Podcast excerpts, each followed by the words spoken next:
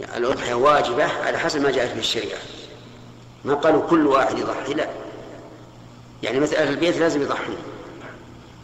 لا وليس لازم من كل واحد يضحي لا. ما يريدون هذا. يضحي أو يوجد من يضحي عنه يوجد من يضحي عنه ما هو شرط كل واحد يضحي. بل بل قلنا إن كل واحد يضحي هذه خلاف السنة.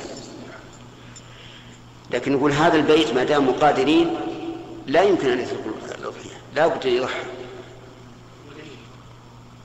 لهم أدلة ومناقشات ما هو هذا موضوعها لأن الآن ما بقي إلا دقائق لكن أرجع إلى كتابنا كتاب الأضحى والزكاة فيه إن شاء الله الكفاية.